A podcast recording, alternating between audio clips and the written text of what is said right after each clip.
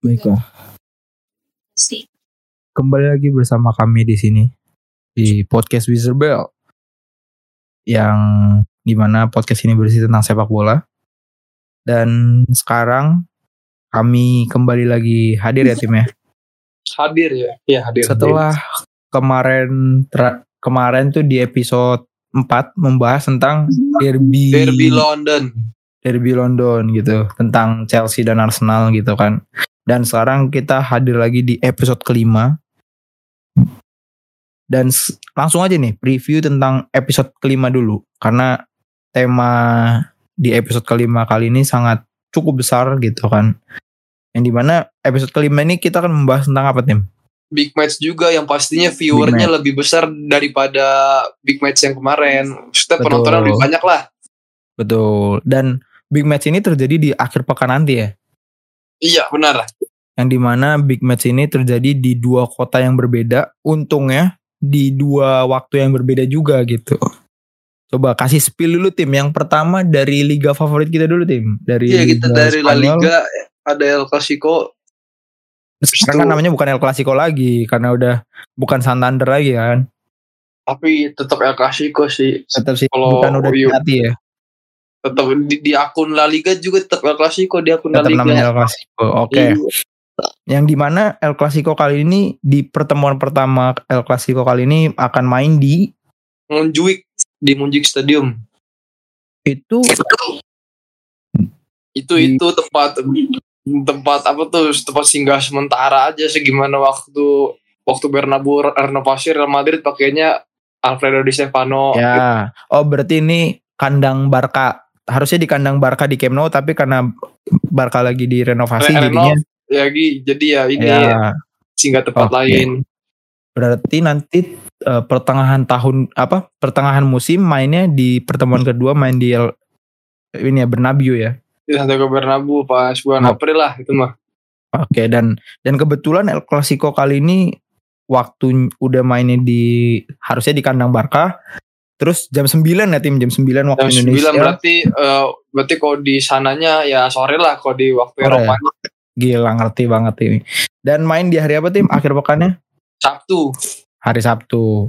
Nah setelah dari hari Sabtu besok malamnya lagi kita lanjut dengan derby juga yang di mana ini juga kalau yang tadi kan derby Spanyol itu kan eh, berbeda kota lah. Kalau ini besoknya Satu itu kota. derby satu kota. Ya bukan yang London di, tapi di ini Manchester namanya- yang di Inggris betul. Inggris Derby Manchester besok yang akan terjadi di akhir pekan tuh mainnya di mana nih tim? mainnya itu di Old Yang- Trafford kalau nggak salah Old Trafford sih coba gua Oh iya main di Old. Trafford bener. bener ya Betul betul betul main di Old Trafford terlebih dahulu gitu. yo Yang di mana? Ah itu nanti aja. Itu udah banyak Nanti kayaknya dulu. lumayan cukup banyak gitu. Tapi itu aja dulu preview dari episode 5 season 5 gitu kan yang akan kita bahas kayaknya agak cukup panjang. Jadi mungkin per ep, eh, dibagi dua part. Yang di part pertama kita akan membahas tentang La Liganya dulu. Baru nanti di part yang kedua baru kita bahas tentang si Derby Manchester ya Tim ya. yo nah tapi Dan- sebelum kita masuk ke pembahasan kita ini dong pasti Apa apa, tuh namanya Pemanasan dulu. iya pemanasan ya bahas-bahas info-info yang kita udah tahu Oke, tapi sebelum pemanasan ya, seperti biasa di episode 5 season 5 Beezer Bell gitu kan. Kali ini kita tetap akan diisi dengan dua orang suara yang di mana tidak ada yang bisa diajak. Jadi episode 5 kali ini kita akan berdua aja tim gitu. Jadi ya seperti biasa dong, eh, pendapat subjektif maupun objektif ya tergabung dari dua orang saja gitu. Gitu. Nah, baru nih setelah karena kita cuma berdua kan jadi kita langsung masuk aja ke pemanasan yang ada di episode kelima gitu mungkin dari gue dulu kali ya tim ya karena gue punya dua berita ya dari oh iya dari dulu lah ya kebetulan berita pertama ini pemanasan pertama kali ini pengennya tuh dibahas di satu episode. Cuman karena udah terlalu ya mungkin udah udah agak lama juga gitu kan. Ya meskipun ada satu momen yang itu mungkin untuk saat ini tidak bisa dilupakan gitu. Ya kemarin di episode kemarin kita membahas tentang derby London gitu kan. Rencananya tuh dari eh pasca derby London itu pengen dibahas lagi gitu. Cuman sayangnya kayaknya mendingan derby nanti aja ya tim yang dibahas ya. Jadi ini pemanasan aja tentang pasca match ya itu cepet aja sebenarnya. Yang di mana menurut gua ini adalah permainan yang mengecewakan gitu bahwa di kemarin ya tim ya kalau sebelum dengerin kesimpulan secara singkatnya mending kalian pada dengerin di episode yang sebelumnya dulu karena di sini udah bener-bener singkat lah setelah terjadi di pasca match ya tim bahwa derby London kemarin yang mempertemukan antara Chelsea dan Arsenal menurut gue sih ya mengecewakan lah gitu karena Dari Gimana? segi apa mengecewakannya itu? mengecewakan tim karena gini karena ekspektasi gue kemarin di episode keempat mengatakan bahwa ini harusnya Arsenal tuh bener-bener dominan gitu kan kalaupun ngepur ya harusnya enggak gue nggak bilang gitu sih pokoknya gue cuma bilang ini dominan Ar- Arsenal dan ini bakal jadi kemenangan Arsenal gitu. Bahkan gue sempat di detik-detik terakhirnya kan bilang bahwa ini bakal jadi 3-1 kan. Iya kan? Iya sih. tapi dan lu juga ngomong 3-0 kan? Kosong ya. Aduh, tiga kosong gitu. Dan ternyata kenyataannya jadi bajingan gitu. Yang di mana di babak pertama bener-bener ya kayak biasa aja gitu kan. Iya kayak malah Arsenal digempur terus gitu loh. iya terus malah Chelsea-nya bener-bener eh bener-bener jadi bagus gitu kan. Ya meskipun menurut gue ya gak tahu ya kenapa ya kok tiba-tiba Arsenalnya jadi pao gitu ya kan. Bingung gue terus tuh yang di sini yang tadi balik lagi ya ke meskipun ini udah agak berlalu gitu tapi momen ini tidak bisa dilupakan ini. Pasti lu juga pasti setuju tim bahwa gol kemarin Mudrik itu benar-benar mengagetkan gitu kan Benar ya itu setuju lah pasti itu benar-benar di luar dugaan sih. Siapa yang sangka dia bisa golin seperti itu? Iya kaget kita bahkan David Raya pun kebobolan gitu. Terus tentang Chelsea Arsenal satu lagi deh sebelum ke lu dulu. Nanti barangkali bisa gue tambahin lagi. Tentang eh, ini tentang yang mengecewakan lagi ya karena permainannya juga udah tadi di gue bilang bahwa permainannya mengecewakan dari Arsenal bener-bener digempur-gempur terus habis-habisan gitu kan.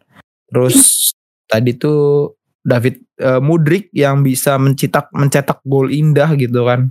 Meskipun pada akhirnya derby London ini berakhir seri ya tim.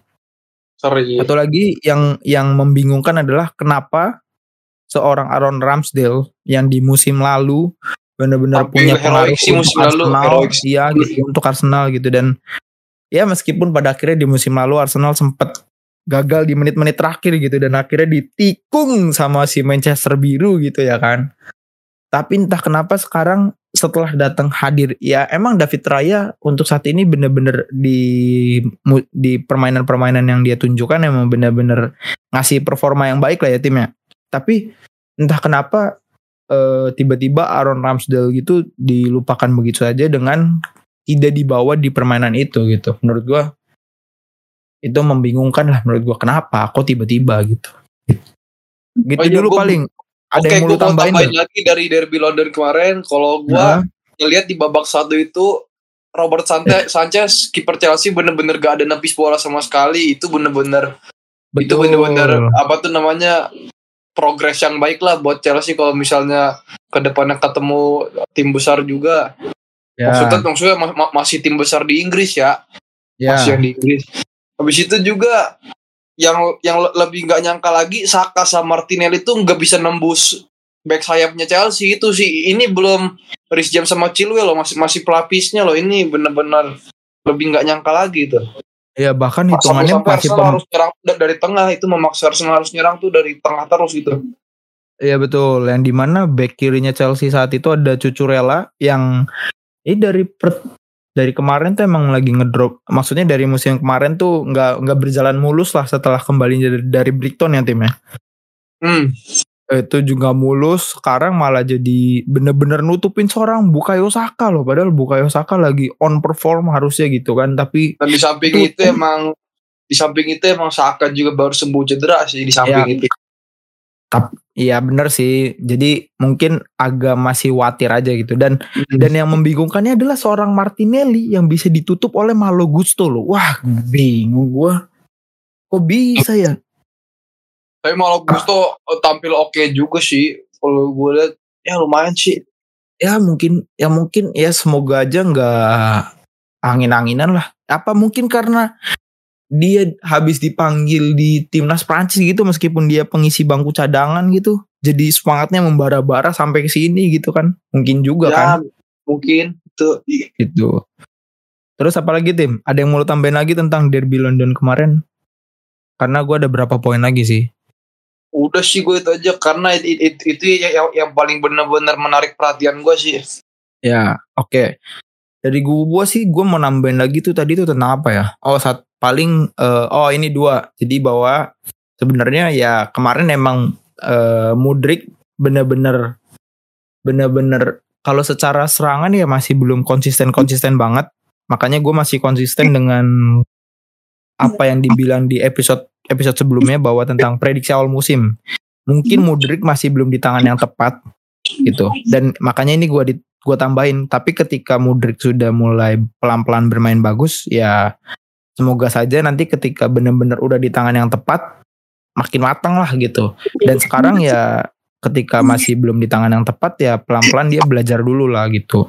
Bener-bener nyapin semuanya gitu. Dan ya dengan golnya kemarin dia ke gawang Arsenal gitu, menjebol ke gawangnya David Raya yang membuat kita semua kaget ya kan tiba-tiba Mudrik bisa ngasih gol indah gitu kan. Padahal kemarin-kemarin ngegocek aja kan nggak lewat kan Iya malah sih. mau dibawa pulang gitu.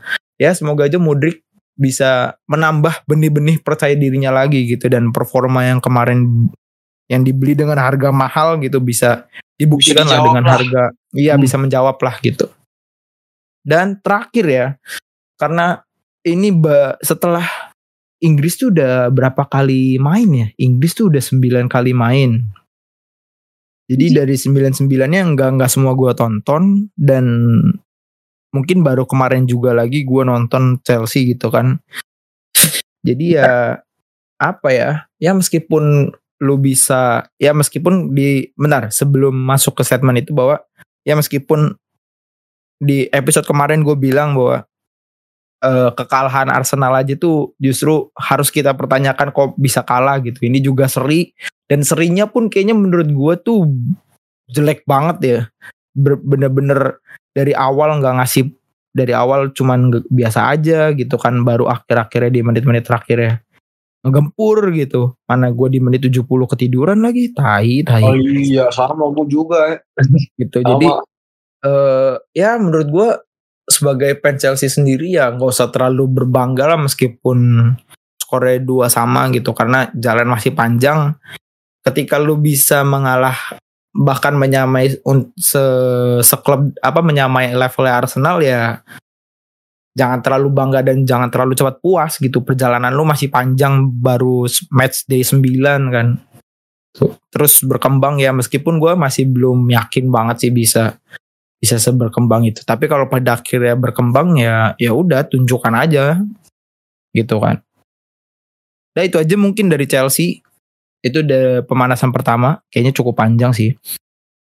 Dan yang ter- terakhir yang kedua nih yang kedua dari gue yang kedua sebelum masuk ke beritanya lu tim. Oke berita yang kedua masih juga berkaitan dengan Chelsea bahwa eh Chelsea ya Chelsea. Iya Chelsea menuju Madrid. Eh, pembahasan kedua kali ini karena gini. Pembahasan kedua kali ini masih berkaitan dengan Chelsea bahwa saat ini karena gini terakhir kan tahun 2012 itu adalah pemain Chelsea pola terakhirnya itu dari Chelsea ke Madrid itu adalah Essien yang di mana Essien 2012 dari Chelsea pindah ke Madrid kan Iya. berselang berselang enam tahun kemudian dimulai lagi Courtois. patternnya. Dari Chelsea ya dari Chelsea ke Madrid dimulai dari Courtois. Yang di mana Courtois sebagai pemain pertama yang kembali lagi membuka jalan itu dia benar-benar berhasil dan bahkan sekarang dia juga uh, ya udah bilang di punya level yang terbaik lah bersama Madrid gitu. Terus ada pemain kedua yang di mana di sini ada Eden Hazard. Yang di mana Eden Hazard ini ya bisa dibilang bukan bisa dibilang bahkan ya sangat diakui lah bahwa permainan dia tidak semulus Courtois ya per level permainannya ya. Dia kalau Courtois naik ke atas kalau Hazard jatuh ke bawah gitu. Terus ada yang ketiga Rudiger. Kalau Rudiger sih ya menurut gua masih biasa-biasa aja, masih angin-anginan gitu karena eh, performa di Chelsea itu bener-bener terbaik banget gitu kan. Yang di mana ketika di Madrid kemarin ya masih angin-anginan lah gitu. Terus yang keempat ada kalau menurut lu gimana tim? Kalau tentang Rudiger? Rudiger sih mungkin Jauh ini belum ya. Oh, Rudiger Sama fine fine masih. fine fine aja sih kata gua cuma ya gitu ya, ya dia jelek kalau cuma mainnya sama Militao doang kalau jelek terus itu aja Oh, gua kalau sama Alaba bagus berarti. bagus bisa Oh, lah iya. tapi kalau klopnya ya tetap klopan Militao Alaba kalau dibilang klop Iya iya iya oke Oh. oke. kalau keklopan Rudiger Alaba gua belum tahu lah sejauh mana itu masih belum tahu Oke. Terus tadi ketiga tuh ada Rudiger. Dan yang terakhir tuh keempat ada Kepa yang di mana Kepa ini on loan sih menurut gua dan ya nggak tahu ya katanya sih selama Kepa di Madrid bener-bener bisa ngasih performa yang bagus gitu. Ya gue masih bertanya-tanya sih ya emang emang bener nggak bagi begitu. Jadi ya gue masih belum terlalu percaya lah kalau Kepa bisa on perform lagi gitu. Karena ngelihat gue udah nggak suka sama Kepa tuh gara-gara kejadian yang dia menolak diganti sama Caballero sama ya Caballero sama Sari disuruh Sari kan tapi Iya, dia menolak. Ngerasa sombong gitu jadi nggak tahu ya gue malah jadi kesel aja gitu. Terus dan terakhir di sini karena ini berita inti beritanya bahwa sebenarnya Madrid itu sebenarnya lagi bener-bener memfokuskan dirinya untuk mengejar Rhys James gitu yang di mana Madrid sendiri di posisi bek kanan emang udah tua banget nih gitu kan dan belum ada eh, pengganti yang sah ketika ada Odriozola kembali Udah dikasih waktu. bener-bener sama-sama bener-bener ini sih bener-bener gak memuaskan juga performanya kalau sekalian dapet ya. Dikasih waktu pun ya nggak nunjukin. Makanya dia juga pada akhirnya kan cabutkan dari Madrid gitu. Dan masih seorang Carvajal doang gitu. Kalaupun super subnya Vasquez ya Vasquez juga nggak dikasih kesempatan juga sama Ancelotti. Jadi menurut gua kalau misalkan pada akhirnya Ancelotti mengingini seorang Rhys James dan gimana ya? Karena pada akhir-akhir ini kan kita ngeliat sendiri di Chelsea itu sendiri Rhys James tidak berjalan baik lah di bawah kepelatihannya Pochettino dan direktur olahraganya kan gitu. Masih rentan cedera. Ya meskipun ini kalau pada akhirnya nanti Rhys James bakal sah pergi ke Madrid ini bakal menyedihkan untuk fans Chelsea itu sendiri karena dia juga seorang kapten kan. Musim ini dia ditunjuk sebagai kapten. Tapi ya kalau pada akhirnya Pochettino lebih percaya sama Malo Gusto dan Rhys James dihentakkan begitu aja ya lebih baik Rhys James eh, membuat back kanan Madrid tuh lebih muda lagi lah gitu. Gitu. Kalau teman-temannya pada datang ke Madrid ayo dong Rhys James dong datang dong ke Madrid. Ya meskipun lagi-lagi Chelsea kayaknya kalau misalkan pada akhirnya sah. Dan Madrid tuh mengincar Rhys James dengan harga 40 juta dolar ya. Ya Euro kalau pada dolar lagi. Eh euro, Euro. ya euro pada akhirnya Rhys James cabut dari Chelsea. Ya ini orang nih salah satu pemain terakhir kayaknya pemain terakhir yang bermain di eranya Thomas Tuchel gitu. Dan di eranya Thomas Tuchel kan eh Rhys James benar-benar matang gitu. Dia bisa diplot sebagai gelandang sayap ataupun back sayap gitu kan. Nggak ding masih ada Trevor Chalobah ya. Ya intinya poinnya tentang menurut gue sih gue setuju-setuju aja gitu kan karena ngelihat pemain pemain Chelsea yang benar-benar dirombak gitu.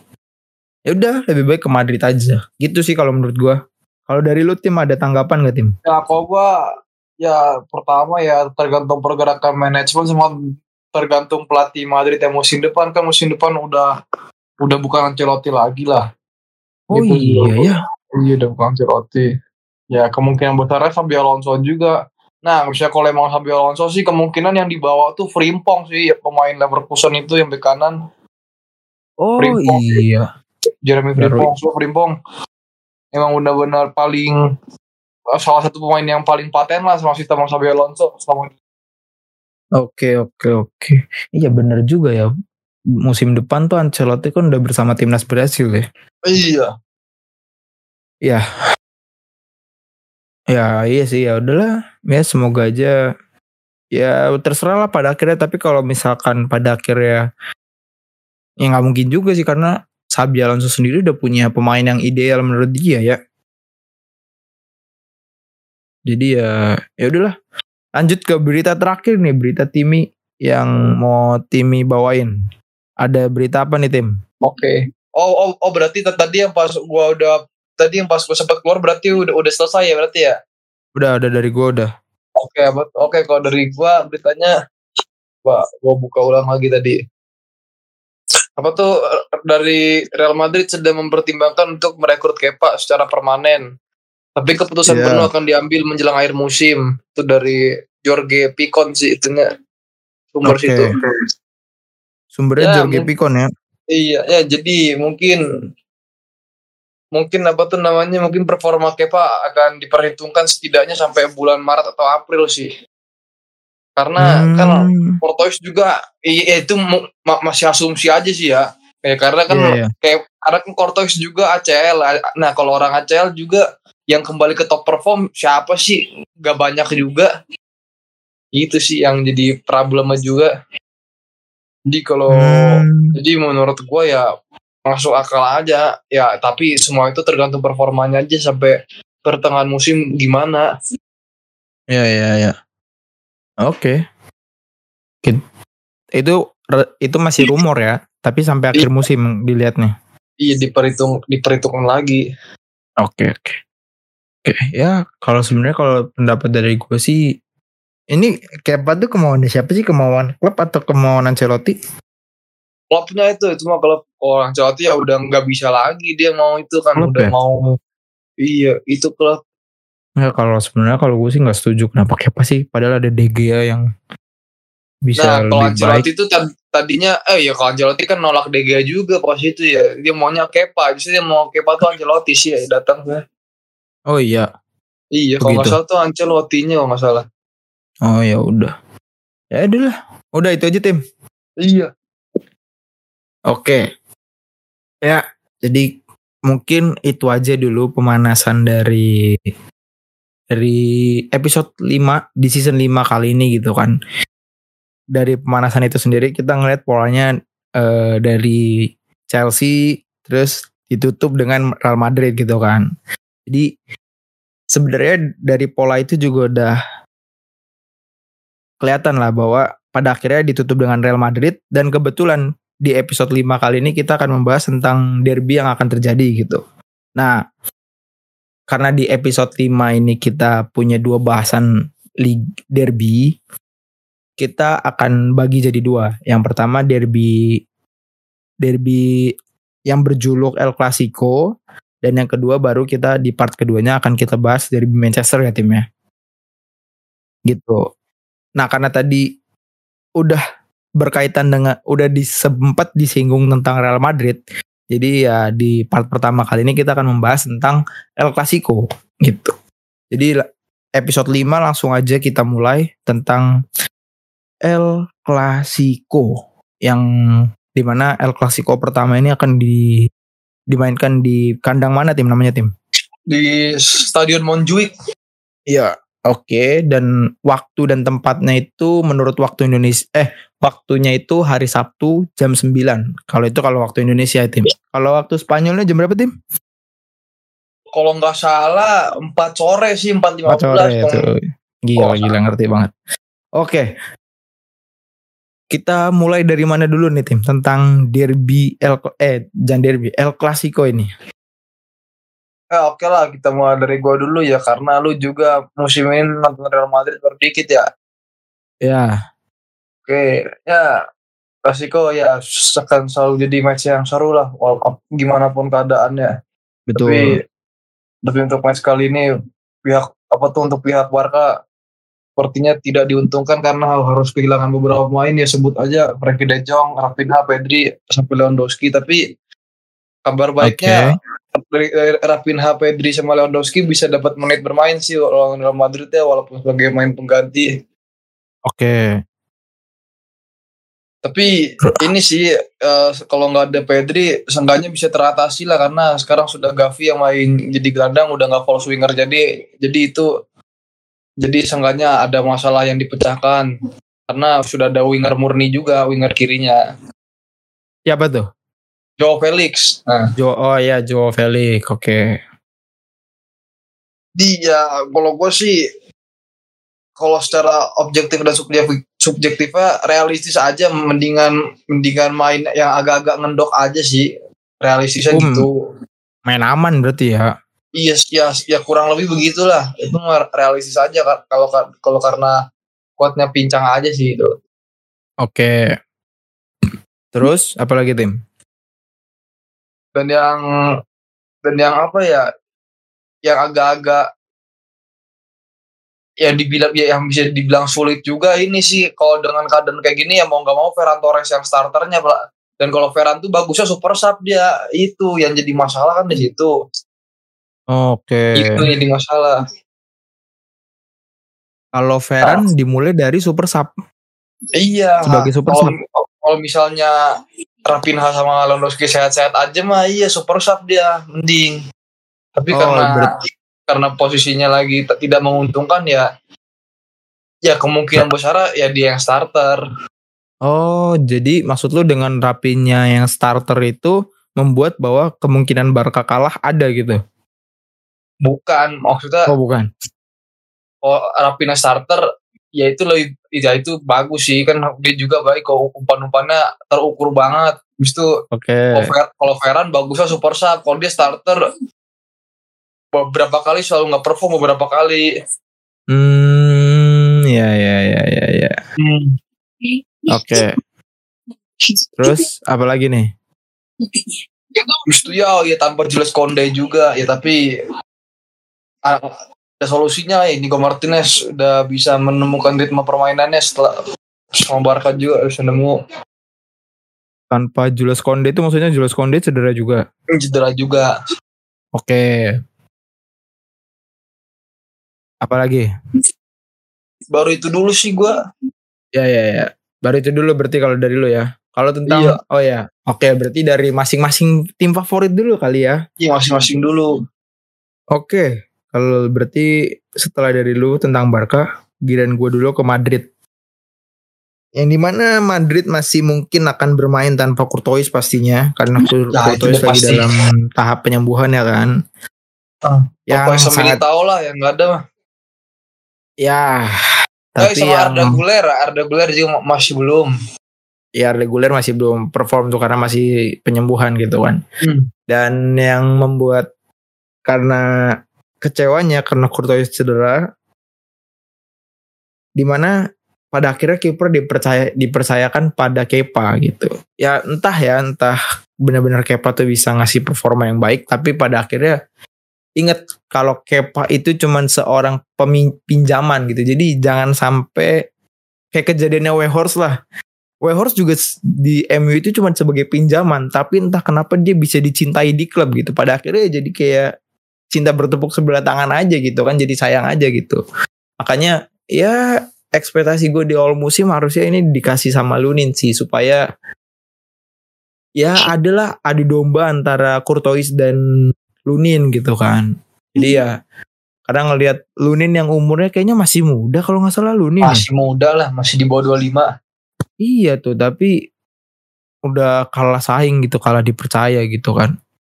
Jadi ya menurut gua harusnya Lunin bisa dikasih kesempatan lah, lebih banyak lagi waktu bersama Ancelotti untuk bisa menunjukkan dirinya gitu. Terus ya ini juga akan bermain tanpa Militao ya. Terus tanpa Arda Güler. Eh kalau dari gelandang dari gelandang sampai depan aman lah gak nggak terlalu banyak banget yang cedera karena kalaupun gelandangnya karena kalau banyak gelandangnya yang cedera menurut gue juga nggak juga. Aman-aman aja. Ya gelandang sampai striker intinya aman lah nggak ada yang cedera gitu. Jadi perputarannya juga bisa dengan mudah gitu kan. Ya meskipun menurut gue sih apa ya kalau gue eh, memberikan statement bahwa sebenarnya sih kalau tanpa bi- bisa nggak ya? Ya ini menurut objektif gue ya. Ketika emang klubnya solid tanpa pemain cedera pun dia pasti bakal meraih kemenangan lah gitu. Kalau menurut gue ya. Tapi Iya. kalau kalau dia kalah gara-gara kehilangan pemain utamanya, ya berarti ibaratnya ya dia masih cuman bisa bergantung sama pemain utamanya aja. Dia nggak nggak bisa berharap juga nggak nggak sesolid itulah bisa antara pemain inti dan super subnya gitu kalau menurut gua. Jadi ya terus ditambah Bellingham yang lagi gacor-gacornya sayangnya sih Ibrahim Diaz masih belum dikasih waktu untuk perform yang banyak ya gitu. Iya itu benar.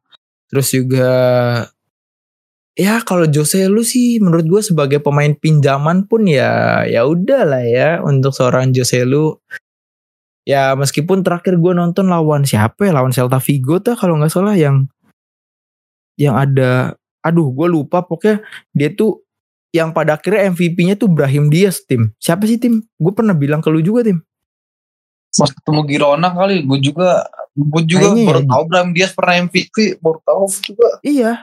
Bentar, bentar, bentar, bentar. Gue lupa Brahim. itu. Brahim Diaz main kalau ya nggak salah pokoknya intinya gitulah di situ tuh sempet di game itu tuh sempet Jose Lu tuh emang banyak banget buang peluang gitu gagal peluangnya nggak berhasil dieksekusi gitu cuman ya pada akhirnya setelah meskipun Jose Lu banyak membuang peluang di situ untungnya masih ada Bellingham yang bisa nge-backup lah gitu Brahim Diaz yang di mana ngelihat Valverde menurut gue agak ngedrop ya. Di musim kemarin masih ada lah eh, gol-golnya gitu kan. Tapi di sini ya yang gue tahu di sini Valverde masih ada gol sih. Tapi cuma satu golnya pun gol banger yang jago banget lah. Tapi pada akhirnya kan gol satu kan tidak bisa diingat eh, nggak bisa gol sebagus itu tidak bisa menyamai dengan dengan gol-gol yang dia catat kemarin kan. Iya sih. Terus ya Cross Modric, Valverde, Kamavinga gitu kan. Kamavinga, Chouameni gitu kan. Ya oke lah masih banyak. Cuman yang sayangnya adalah bahwa tadi gue sempat baca karena Rodrigo tidak mau dipasang sebagai striker, dia mungkin akan kehilangan berapa menit tadi yang gue baca di itu. Ada hitungan menitnya ada gitu berapa menit di sesuai sumber ya. Dia akan kehilangan karena dia nggak mau dipasang sebagai striker gitu. Menurut gue ya ya sebenarnya harusnya lu ketika lu udah main di tim favorit tuh dan itu tim gede ya kenapa nggak lu kasih semua aja gitu? Kenapa lu maunya cuma main di sayap gitu? Begitupun dengan Kamavinga yang di mana Kamavinga emang cemerlang di musim kemarin menggantikan peran perannya dari Ferran Mendy gitu kan sebagai bek kiri. Ya cuman ya emang terlepas itu dari itu semua kan itu kan dari pemainnya masing-masing. Dan dikhawatirkan juga rentan cedera gitu. Cuman ya ya gue terserah lah, terserah pelatih gitu. Dan pada akhirnya ya emang gue juga pengen lihat sih. Untungnya di situ Kamavinga emang benar-benar untuk saat ini mungkin menolak dulu karena di situ udah ada Ferran Mendy dan Fran Garcia. Yang di mana Fran Garcia ini di musim kemarin sempat tampil cantik bersama siapa tim? Vallecano. Garcia. Vallecano ya gitu dan akhirnya dikembalikan lagi gitu. Ya jadi terlepas itu semua untuk derby ini sih gua nggak khawatir lah. Apalagi yang gua khawatirin tuh cuman ketika nanti Vini harus ketemu Araujo tuh. Waduh gila. Ketika Vini ketemu sama back-back lain tuh bisa lah, masih bisa lah ngelewatin. Tapi ketika Vini udah ketemu Araujo itu yang gua khawatirin Oh sih. iya, terakhir pas kemarin kualifikasi ketemu ya ter- terakhir ketemu juga. Iya, jadi eh, aduh. Ini Di, di, Cuman ya- lagi tuh kemarin pas kualifikasi di akhirnya lagi. sih. digantongin lagi aduh cuman ya sayangnya ya semoga dengan hadirnya Bellingham dan Vini juga bisa bener-bener jangan kemakan egonya lah gitu lu Vini ya bukan Rashford ya beda ya jadi ya semoga bener-bener bisa solid solid secara matang gitu dan ya semoga permainan ini tidak Boring. Tidak seboring kemarin lah derby London yang kemarin terjadi gitu. Bahwa meskipun ini El Clasico yang keberapa ya setelah tiadanya Ronaldo dan Messi ya timnya udah u- u- udah jauh banget. u- gitu. udah udah belasan lah kayaknya se- setelah Ronaldo Messi. gitu.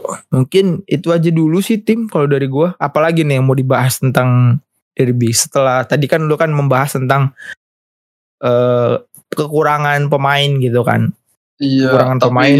tapi kekurangan pemain-pemain ini kali ini masalahnya nggak nggak serumit yang musim kemarin. Jadi ya udah nggak Ya. ribet-ribet amat lah.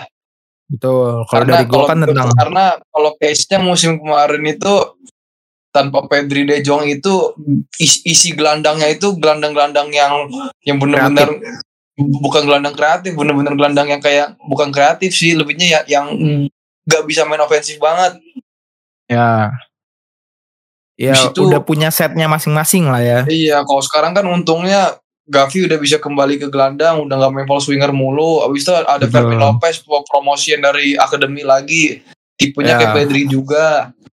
oh Belum iya benar-benar Wah, Abis itu belum lagi ada Ilkay, Ilkay Gundogan. Nah, Gundogan. oke Cuma kalau jadi Ya. masalah kan Gundogan kan nyamannya main, mainnya sama Pedri paling nyaman.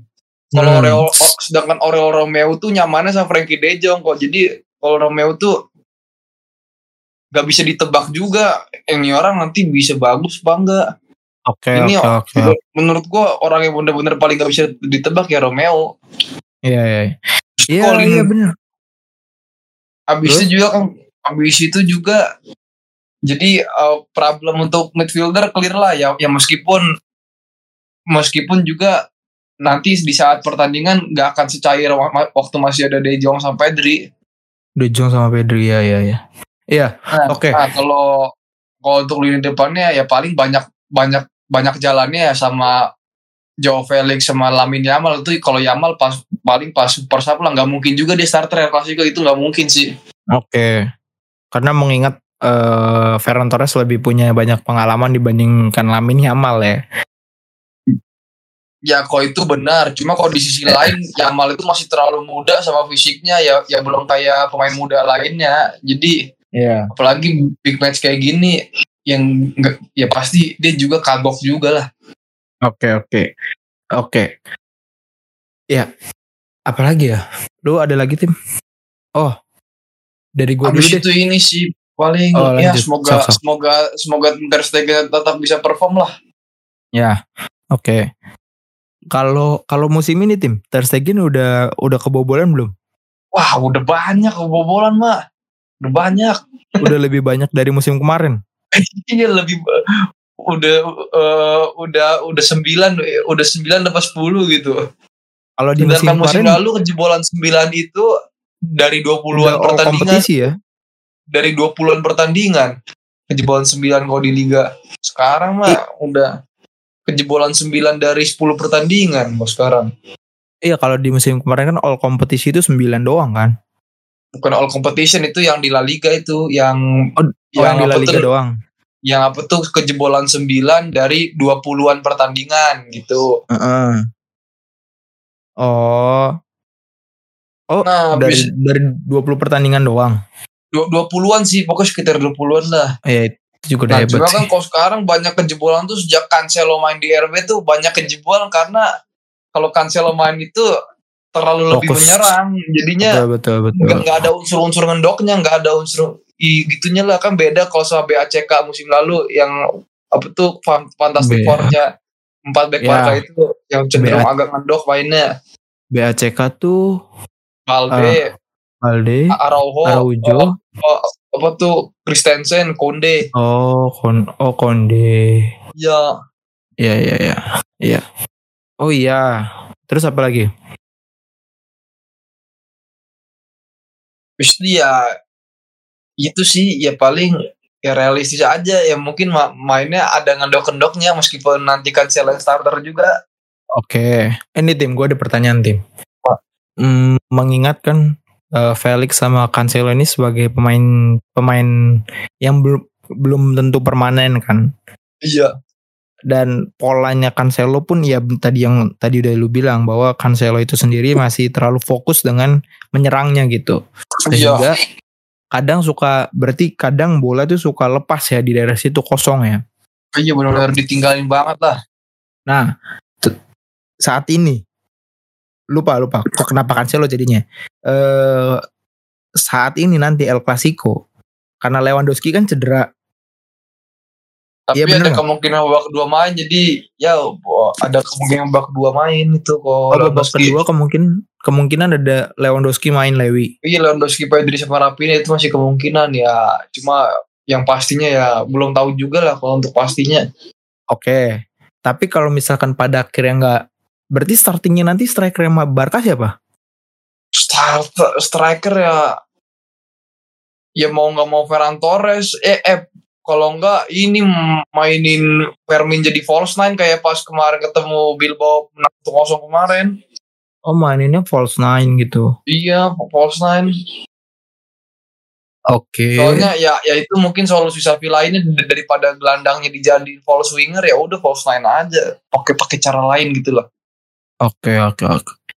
Ya oke. U- Udah lah tim. Ada yang mau lu tambahin nggak? Gue ada mau nambahin sih.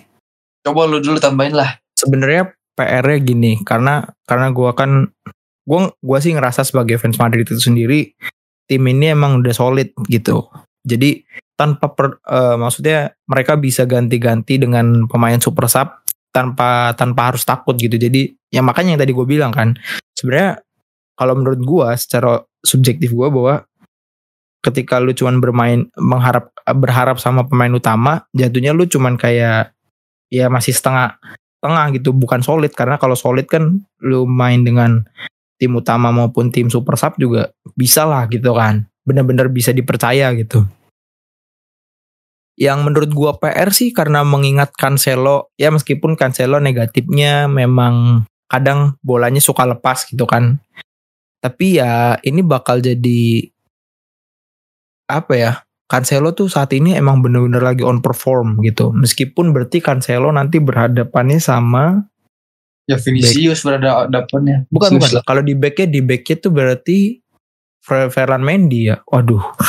Oh, oh berhadapan dengan Ferland Mendy ya benar. Iya Ferland Mendy. Wah, Joao Cancelo tuh lumayan cepet. Crossing bagus, gocek-gocekan juga bagus gitu. Jadi mungkin harusnya lawan yang seimbang kalau nanti Cancelo main sama Vinga sih harusnya sih. Karena gue gak tahu ya, gue belum ngeliat eh, Fran Garcia yang main gimana gitu. Cuman pernah pas itu gue lihat main ya belum belum belum banget lah mungkin untuk bisa menyamakan seorang levelnya Cancelo menurut gue. Terus kalau misalkan Felix sih gue masih gue yakin kalau Felix tuh masih angin-anginan gitu. Tapi kalau untuk seorang Cancelo nih, meskipun dia kelemahannya di back kadang suka kosong, tapi ketika dia menyerang nih, khawatir nih. Makanya menurut gue itulah kenapa mungkin sosok Halan ketika ketemu tim gede jadi cuman tukang hilang atau cuman tukang tukang ukur lapangan karena nggak ada sosok Cancelo yang menurut gue umpan-umpannya Cancelo tuh yang bener-bener bisa bikin ajib lah gitu tuh asisnya gitu tuh. Kan terakhir yang lawan Dortmund pun golnya Halan kan yang luar biasa itu kan itu kan Iya gara-gara asisnya Cancelo kalau nggak salah. Gitu. Benar. makanya menurut gue gue lebih khawatir sama Cancelo sih dibanding yang lainnya. Karena apalagi udah diuntungkan dengan yang cedera ya cedera. Jadi ya harusnya sih nggak perlu khawatir banyak-banyak ya. Cuman karena ngelihat catatan terakhir tuh ketika emang Madrid pada dasarnya DNA-nya DNA Eropa gitu. Tapi ketika ketemu Barca jadi ciut kalau ketemu Barca tuh. Makanya ya udahlah nggak usah terlalu sombong lah sebenarnya. Sebenarnya tuh bukan ciut. iya Cuma- enggak enggak gimana gimana Cuma eh, lebih apa tuh kalah dalam ini aja mm, kalah dalam apa tuh namanya ya kalah Apa tuh? dari tempo tempo permainan aja kadang gak bisa ngimbangin gitu mungkin kali ya iya Ya. bukan lagi sih ya itu bisa bilang bisa dibilang juga kayak gitu cuman ya yang karena ngelihat beberapa permainan terakhir kan emang Barca kan selalu bisa mengalahkan Madrid lah gitu tuh. Jadi ya menurut gue ya kita lihat nanti aja lah gue sebagai fans Madrid juga nggak mau sombong-sombong banget gitu kan.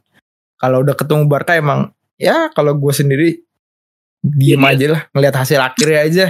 Karena wah Araujo tuh pasti udah ngerti banget cara mainnya Vini gitu. Makanya nih orang pasti udah siap-siap dikantongin sih. Terakhir kali Vinicius ditelan Araujo aja, Araujo back tengah itu juga terakhir kali. Iya, tuh ya. back tengah tapi ketika dia masuk ke back kiri eh back kiri back, Back, back kanan, kanan back, kali, back kanan. back kanan. Iya, back kanan ditelan udah Vini gitu. Sejago-jagonya Vini ketika ketemu Araujo juga jadi jadi cacing gitu.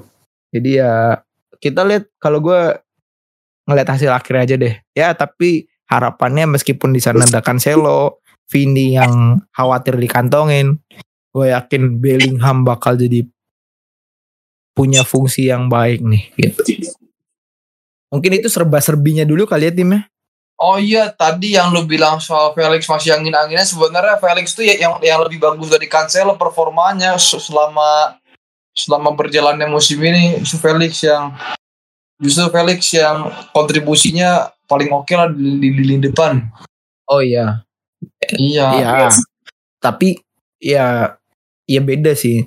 Cuman yang gue takutkan tuh buk, eh, kekonsistenannya dia aja. Dia lebih konsisten dan lebih rapi mainnya sebagai back yang benar-benar punya kekuatan sebagai fullback. Eh bukan fullback ya, yang dia punya kemampuan untuk sebagai penyerang juga lah gitu tuh. Umpan-umpannya emang ajib. Gocekannya juga nggak nggak nggak boleh diremehin. Ini orang emang udah naik lah levelnya gitu. Gitu sih karena kalau Joao Felix emang meskipun beda beda apa ya beda posisi tapi ya menurut gue sih gue lebih attract ke Joao Cancelo ya Cancelo dibanding Daripada- Felix ya. dibanding Felix. Meskipun emang Felix akhir-akhir ini emang lebih on perform gitu tapi kalau Cancelo kan udah konsis aja di levelnya. Gitu sih.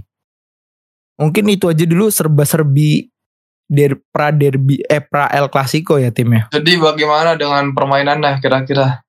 aduh kalau Har- dari harapan lah ya, ya, ya seenggaknya harapan lah, harapan permainan gimana? kalau dari harapan permainan sih ya semoga ini nggak nggak nggak terlalu ego lagi nggak terlalu maksudnya ambis boleh tapi jangan sampai jadi tolol gitu lu tuh Vinicius Junior ya bukan Marcus Rashford ya ketika ngeliat peluang bisa dibagi dibagi jangan dibawa sendiri jangan dihabisin sendiri. Karena lawan lu Araujo Araujo udah ngerti cara main lu gimana gitu kan. Lu nggak apa-apa lah kalah dari segi permainan eh, untuk one on one gitu. Tapi ini kan sepak bola kan bermain untuk tim gitu tuh. Terus meskipun di sana ada Inigo Martinez dan siapa berarti nanti yang back tengahnya? Christensen, Christensen. Christensen ya khawatir juga sih gue sama Christensen semoga Bellingham bener-bener ya gue berharap Bellingham kalau nggak bisa gol deket long shotnya dia masih bisa diharapkan lah. Ya meskipun Luka Modric sama Toni Kroos kayaknya emang udah bener-bener turun banget ya performanya ya. Sang magis dan sang shooter eh, sang siapa? Penem apa? Kalau Kroos tuh julukannya itu apa ya? Itu tuh. Sniper. kalau si ya si sniper itu dia udah menurun ya. Semoga Valverde dan Brahim Diaz maupun Kamavinga dan Chouameni benar-benar ngasih peran lah gitu. Dan ya semoga harapan terakhirnya sih di pra match ini ya belum match ini mulai permainannya bisa ngasih permainan yang bagus lah. Dan kayak kemarin derby London kemarin yang aduh tololnya setengah mati anjing anjing. Kesel. Masa masa kita seba, ya sebagai fans cuman bisa harus bisa menikmati di menit-menit terakhir sih kenapa nggak dari awal sih gitu kan gitu sih kalau dari gue tim kalau dari lu tim Ya, yang tadi lu bilang Modric Cross udah menurun ini sebenarnya enggak juga. Cuma apa ya? Cuma kan waktu bermain mereka emang sudah berku sudah berkurang Ya. karena emang emang sesuai permintaan manajemen juga untuk kasih waktu lebih banyak buat yang Pemain-pemain lainnya gitu. betul Habis- Sama apa tuh? Emang kalau Modric apa tuh namanya masing-masing berbahayanya masih oke. Cuma kalau Cross long shoot masih tetap oke. Toni Cross juga. Hmm, Jadi cuma ya Oh. mereka ya tetap tetap super ya mungkin di match kali ini ya tetap salah satunya super sub juga salah satunya. Karena Oh, kalau iya. karena kalau mainin mereka bareng itu kayak kayak udah nggak realistis lagi ke itu Iya sih. benar-benar. Oke, berarti sebentar tim gua ralat berarti lebih tepatnya bukan udah turun tapi mereka adalah sebagai senior yang mendampingi juniornya di lapangan secara langsung betul gak? Iya, Ya, Oh. iya benar benar benar. Ya, dari gue lihat game-game terakhirnya juga emang ini eh, di satu-satu ganti-gantian gitu. Ya, perannya kayak iya peran seorang senior yang mengajari kepada juniornya gitu. Untuk Benar, bisa tuh. lebih percaya diri. Oke, lanjutin.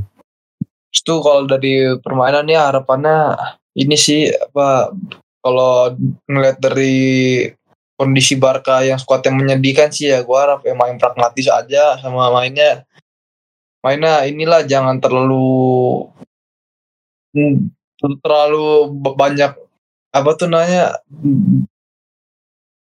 apa ya bah, enaknya dibilang ya Apa sama tuh, apa tuh? terlalu banyak nguasain di tengah lah jangan terlalu banyak itulah Oh, setidaknya eh, buatlah beberapa crossing-crossing Iya. ataupun eh, on target lah ya. Iya pragmatis aja Ka- karena emang realistisnya begitu realistisnya Ya. sama Oke. sama kalau kalau ngeliat formasi Real Madrid yang sekarang apa tuh namanya 442 Diamond ya Mm. gue rasa i, ya gue rasa titik berbahayanya itu sekarang eh, di Bellingham sih ya meskipun Bellingham. Vinicius dan, dan Joselu juga nggak kalah bahayanya titik bahayanya di Betul, situ. jadi jadi gue harap di permainan kali ini selain Vinicius yang ya ya ya, ya mungkin tetap aja bisa ditangkap sama Araujo ya gue harap Bellingham juga ditangkap sama Christensen sama Romeo sih Wah, seperti waktu ini. friendly match kemarin Ini yang ini ini, Christensen ini. ditangkap sama dua orang itu Betul. eh kok Christensen Bellingham ditangkap sama dua orang itu Ya Itu dijaga sih. banget lah ya.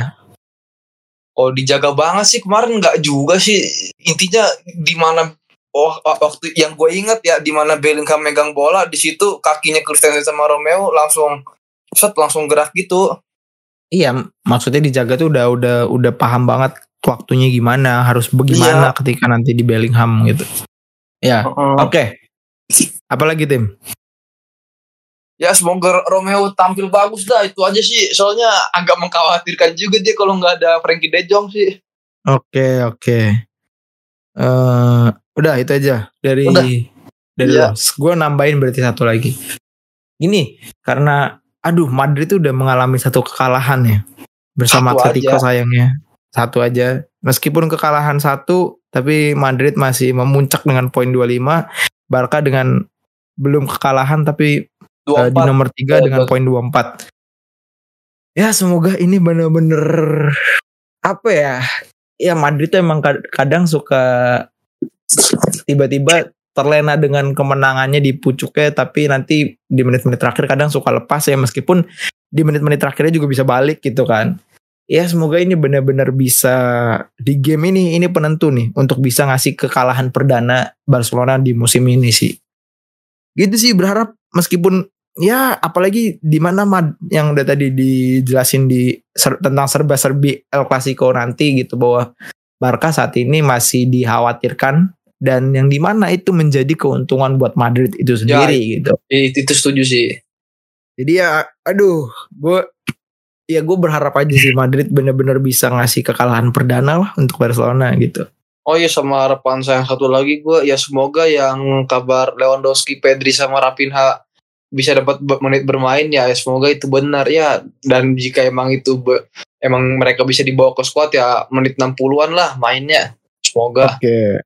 tapi kalau untuk Dan- Pedri ya me- menit 70-an aja kok Pedri ya Kenapa tim? Kenapa gitu? Kenapa beda sama Ya, yang lain? karena Pedri tuh nggak tahu kenapa sekarang kakinya itu malah jadi kaki Dembele kayak kayak rentan cedera gitu ya walaupun walaupun gimana ya walaupun cederanya selalu apa tuh namanya ya selalu nggak parah sih cuma makan waktunya tuh agak lama juga Ya, nam, iya secara singkatnya dibilang rentan cedera lah meskipun Iya. cedera kecil, cedera ring berat juga tetap aja gitu. itu sih masalahnya Ya, ya sih semoga ya dengan pemain-pemain yang dikhawatir eh, diharapkan bisa kembali ya semoga benar-benar bisa kembali karena itu bisa bikin tensi permainan makin lebih menarik lagi ya timnya. menarik Gue sebagai fans Madrid meskipun gak mau sombong tapi gue berharap game ini benar-benar bisa lebih memuaskan daripada game derby London kemarin ya. Yang Oke. udah ditonton 70 menit nggak ngasih apa-apa blow on malah Chelsea-nya yang tiba-tiba jadi jago gitu Abis itu gimana dengan line up kira-kira prediksi? aduh kalau line up Kira-kira- gue masih karena gue masih belum banyak nonton Madrid ya timnya gue nggak bisa belum bisa prediksi line up sih belum mungkin- bisa ya. kayaknya lu aja dulu deh kalau dari prediksi line up Barca gimana Ya kalau Barca ya jelas ya main 4-3-3 lah udah pasti. Ya Ter Stegen, Balde, Ah. bek kiri, Christensen, Araujo, Oke. j- ya, Araujo tengah, itu Cancelo, bek kanan Cancelo. So, berarti Christensen sama eh, Araujo. Araujo bukan Inigo nih Indigo-nya nanti super sub. Indigo juga musim ini waktu bermainnya belum banyak. Belum. oke Terus kalau tengah Rome, Oreo Romeo, Il Ilke Gundogan sama Gavi. oke Ya ini main false nine sih. Kayaknya mah apa tuh Fermin Lopez di false nine-nya kiri Joao Felix kanan ya Ferran Torres. Ya cuma Ferran Torres kok kanan eh, not bad juga sih starter waktu ter ketemu Bilbao kemarin juga nyaris gol nyaris golin sama nyaris asis oke kemarin juga. Jadi ya biasa juga Ferran kalau ketemu Real Madrid tiba-tiba langsung bagus langsung ketemu aja performa bagusnya biasa Nah. gitu. oke Jadi oke jadi ya kayaknya sih kalau feeling gue 90% itu sih line up 90% ya. ya oke oke oke udah tim kalau dari prediksi line up Sama ah, mungkin ya mungkin super subnya Lamin Yamal sih salah satu super sub Lamin Yamal Lam- jadi salah satunya. Lam- Lamin Yamal Salah satunya jadi super sub. tadi di sayap kanannya siapa di sayap kanannya Fermin Ferran Lopez ya Torres. Ferran oh, ya. Ferran Torres depannya Depan Fermin. itu fol- fol- false line Fermin Lopez sama sayap kiri Oh. Joao Felix. Ya ya ya, oke oke. Ya. Oke. Eh terakhir nih dari pra match dari ya, apa pra El Clasico yang di mana kita akan membahas prediksi skor Korea. dari karena karena ini tuan rumahnya lu ya berarti lu dulu Iya. prediksi skor Kalau skor sih lebihnya berharap aja sih berharap 1-0 atau 2-0 lah. Barca yang menang gitu Iya, iya Gila, semoga clean lagi. Ya, iya nih gawangnya tetap suci gitu ngarepnya. Ya, walaupun walaupun agak-agak susah juga. ya ya ya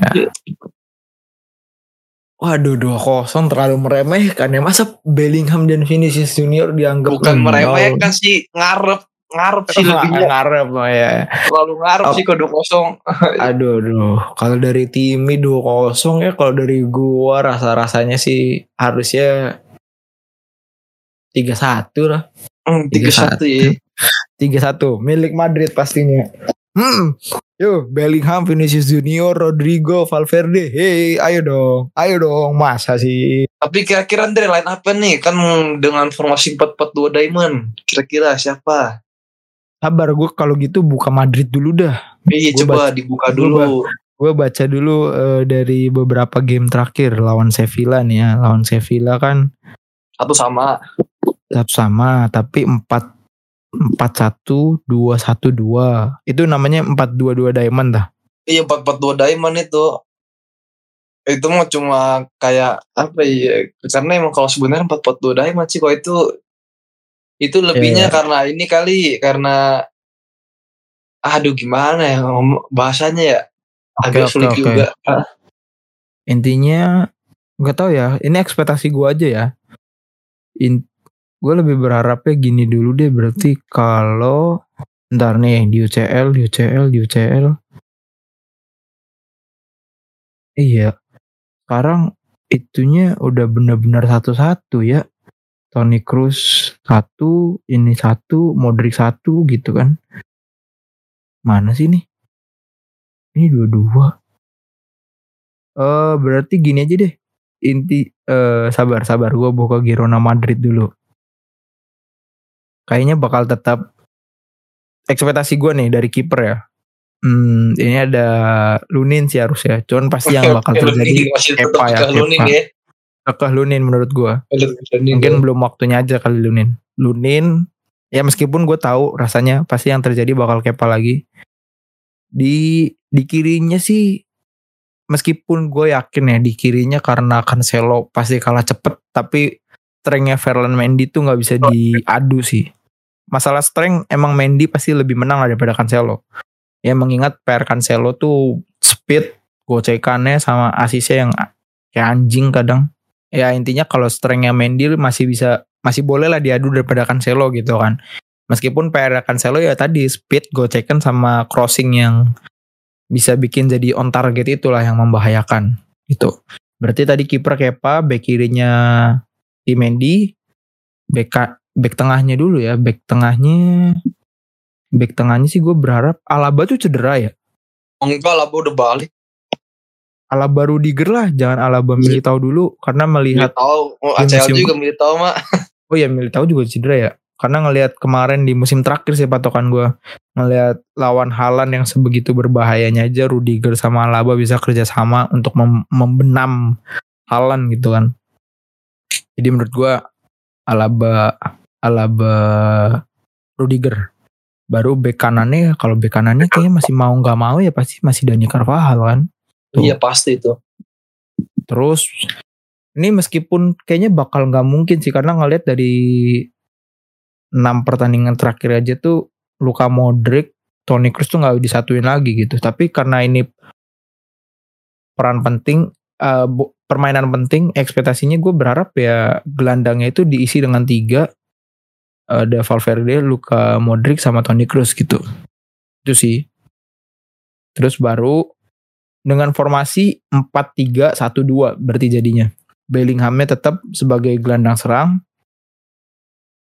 Eh depannya baru Vini sama Rodrigo dulu sih harusnya. Nah, itu juga harapan gue semoga Vinicius Rodrigo ya itu. Karena kalau kalau Jose kalau yang ditaruh Jose lu gua nggak nggak apa-apa. Cuman alangkah lebih baiknya cari aman, bukan cari aman, cari kemenangan dulu baru lu pasang Jose lu gitu. Karena ngelihat Jose lu yang akhir-akhir ini, iya emang kadang ada beberapa peluang yang gak jadi gak jadi gitu. Jadi ya gue lebih percaya Rodrigo dulu lah. Tapi kalau pada akhirnya Jose lu sama Vini yang dimainin sih ya nggak apa. Tapi ekspektasi gue sih biar bisa membenamkan Barca dulu jadi Vini sama Rodrigo sih. Ya, gitu. setuju sih gue kalau itu apa tuh Vinicius Rodrigo dulu karena buat gue Joselu cukup berbahaya juga karena Joselu juga termasuk salah satu pemain yang sering golin gawang Barca juga waktu masih berseragam Espanyol gitu. Oh iya, Iya, benar itu. jadi Dia, dia, pinter dia ketika bertemu Barca. iya dia tuh Barca golin terus biasa golin terus. Wah, eh berarti kalau gitu, eh nanti iya, enggak, makanya enggak makanya itu. berharap makanya itu gua ngarep moga depannya ya Vinicius Rodrigo dulu itu sebenarnya Oh, berarti maksud lu Rodrigo mandul gitu? nggak Hah? mandul juga Oh, maksudnya, Ya, ya, ya. maksudnya berbahaya cuma Eh. cuma kan Jose Lu kan lebih berbahayanya dengan posturnya itu loh Ya, ya, ya. Headingnya juga yang Bisa nah dibilang iya lebih menjamin ya kalau heading ya. benar tapi- itu Ya karena backnya ada Araujo sama Christensen. Gue yakin speed. Ya tadi asal Vinicius jangan kayak Rashford aja.